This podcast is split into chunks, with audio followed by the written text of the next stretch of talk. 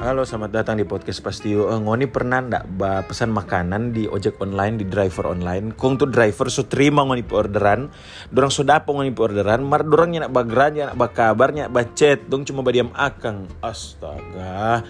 Mungkin ada beberapa kasus tuh driver ke tuh dah terjatung atau misalnya DP ban pica atau misalnya ujang keras. Dia kan chat no ngoni ya ngoni juga sebagai manusia harus punya hati no ngoni harus bilang no pada orang bahwa yo yo pak nanti tak cancel juga kasihan ketuk bapak Tuh orang kok sebagai manusia pasti ada hati ada perasaan. Mar kalau untuk driver driver yang dia cuma badiam dia cuma sebiar tuh orderan apalagi dia bilang aduh jauh kuat no sudah jotek pi ambe tak sebiar jo sampai tuh orang cancel.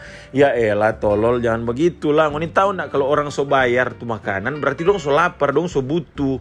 Yang ngoni sebagai pekerja lakukan juga ketuk ngoni petugas nyana usah ngoni mau bilang aduh jauh aduh begini aduh begitu. Ya kalau ngoni mau terima orderan lebih baik ngoni tidur di rumah semati tuh aplikasi. Tolol